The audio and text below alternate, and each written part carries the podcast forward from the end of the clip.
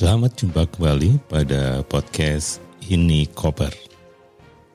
Saya Dani Wahyu Menggoro dari Inspirasi Tanpa Batas atau In Spirit.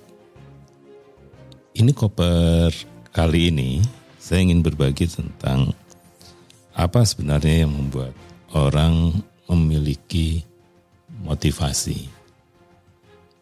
Nah ceritanya sebenarnya dimulai dari bagaimana sih cara belajar ya, cara belajar yang yang yang powerful. Nah, salah satu di dalam proses fasilitasi sebenarnya adalah saya selalu berargumentasi bahwa yang paling cepat belajar atau yang paling bisa belajar adalah orang-orang yang sebenarnya memiliki motivasi tinggi.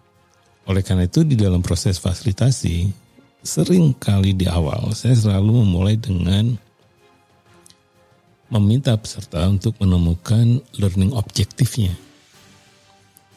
Karena tanpa learning objektif itu akan sulit sebenarnya untuk untuk mereka belajar secara otonom. Nah, jadi di sini sebenarnya yang menjadi menarik ada tiga hal penting yang bisa membangkitkan motivasi seseorang. Yang pertama yang disebut sebagai tujuan.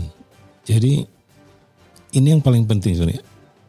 Bagaimana setiap pembelajar itu memiliki learning objektifnya. Nah, fasilitator dalam proses ini harus memberikan satu ruang atau sesi yang memungkinkan sebenarnya setiap orang mempunyai tujuan yang jelas apa yang sebenarnya ingin dipelajari. Atau di dalam pekerjaan apa yang sebenarnya ingin dicapai oleh masing-masing orang. Nah, yang kedua itu yang disebut otonom tadi.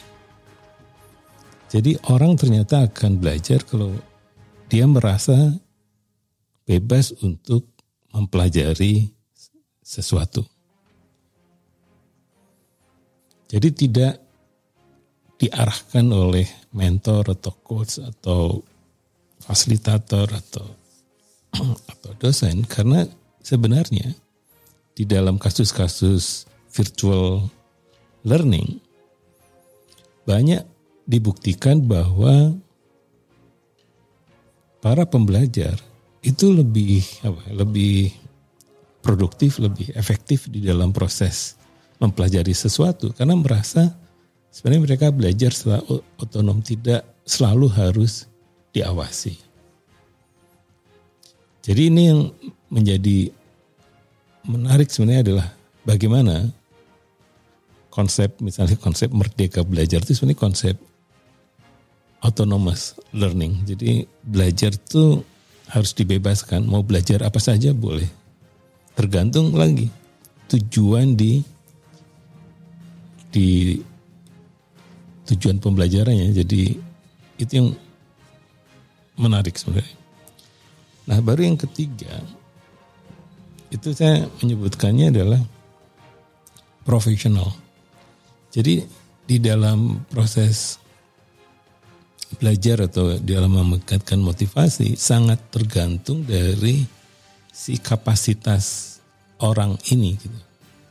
Kalau kapasitasnya tinggi dan memiliki banyak talenta atau banyak yang dia bisa lakukan untuk berkontribusi pada organisasi, maka sebenarnya motivasi dari orang ini juga akan tinggi.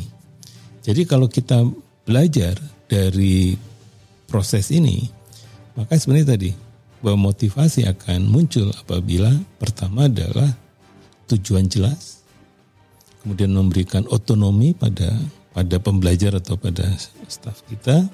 Dan yang ketiga sebenarnya adalah meningkatkan profesionalismenya agar mereka percaya diri untuk melakukan apa yang menjadi tujuan pembelajarannya atau tujuan dari personal dreamnya. Demikianlah isi edisi kali ini. Kami di Ini Koper percaya bahwa berbagi apa saja, bagi komunitas juga selalu bermanfaat. Sampai jumpa pada edisi berikutnya.